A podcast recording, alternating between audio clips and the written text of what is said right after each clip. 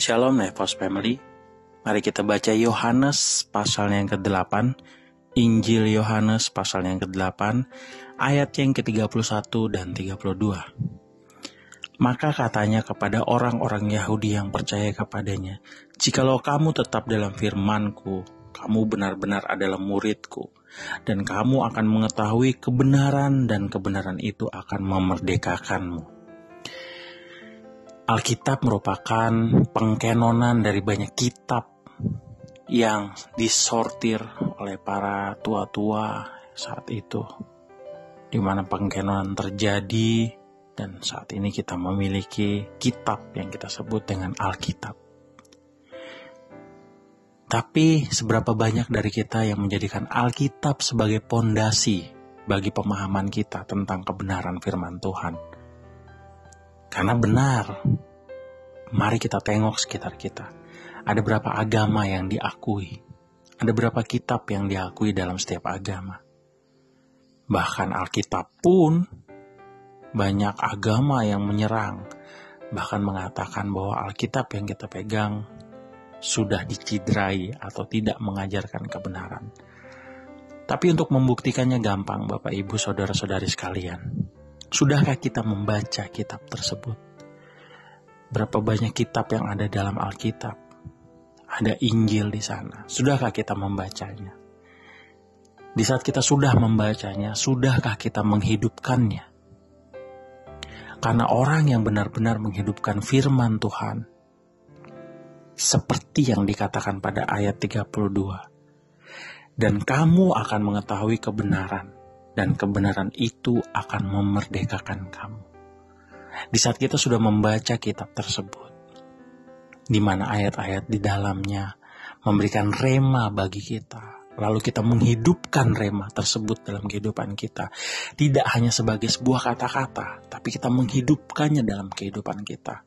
Maka kebenaran itu akan memerdekakan kita. Dan kita sebagai manusia, kita memiliki rasa tersebut. Dan kita tahu kok, di saat kita melakukan hal yang benar dan salah, semua akan kita rasakan di dalam hati kita. Kita akan tahu di saat kita berbuat salah, kita akan tahu di saat kita berbuat benar.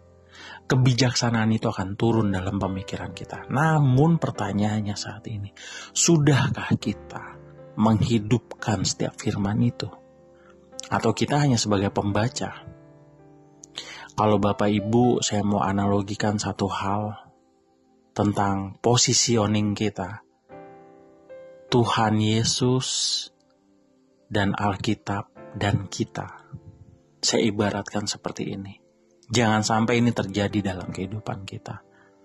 Anggap saja Tuhan Yesus seperti salah satu kelompok K-pop yang cukup digandrungin anak muda. Dan Alkitab adalah album yang mereka keluarkan. Dan kita adalah anak-anak muda tersebut. Kita ngefans mati-matian dengan Tuhan Yesus. Bahkan setiap albumnya kita koleksi, kita kutip. Bahkan mungkin jadi postingan kita di media sosial. Namun positioning kita hanyalah sebagai fans, penggemar berat. Kita hanya fanatik karena kita mencintainya sebagai sosok idol kita. Tapi kehidupan kita tetap sebagai diri kita. Bahkan kita hanya menyanyikan lagunya. Menggandrungi idol kita. Coba kita lihat anak-anak muda di saat mereka menggandrungi sebuah band K-pop. Mereka sangat memuja-muja mereka. Tapi hanya sebatas itu. Apakah iman kita seperti itu? Itu yang harus kita pertanyakan kepada diri kita. Sudahkah kita menghidupi setiap firman yang kita baca dalam kehidupan kita?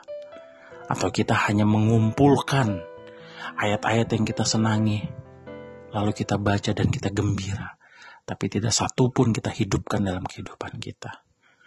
Di saat ayat tersebut berkata, kasihilah musuhmu, namun kita tidak pernah memberikan kasih wujud nyata itu dalam kehidupan kita terhadap orang yang bersalah kepada kita maka tidak satu pun dari kutipan firman tersebut yang kita hidupi. Maka celakalah kita. Mari saya ajak Bapak, Ibu, Saudara-saudara sekalian. Alkitab yang kita miliki, jadikan sebagai pondasi iman kita. dan kita hidupkan dalam kehidupan kita sehingga kita menjadi layak di hadapan Tuhan Yesus Kristus sehingga pada hari kedatangannya nanti kita menjadi saleh-salehnya yang menjadi layak di hadapannya. Semoga renungan hari ini dapat memberi teguran bagi kita dan kita terus memperbaiki kehidupan kita sehingga kita menjadi saleh-saleh Kristus yang layak disebut sebagai anak-anak Allah. Terima kasih dan terus berjuang. Shalom. Tuhan Yesus memberkati.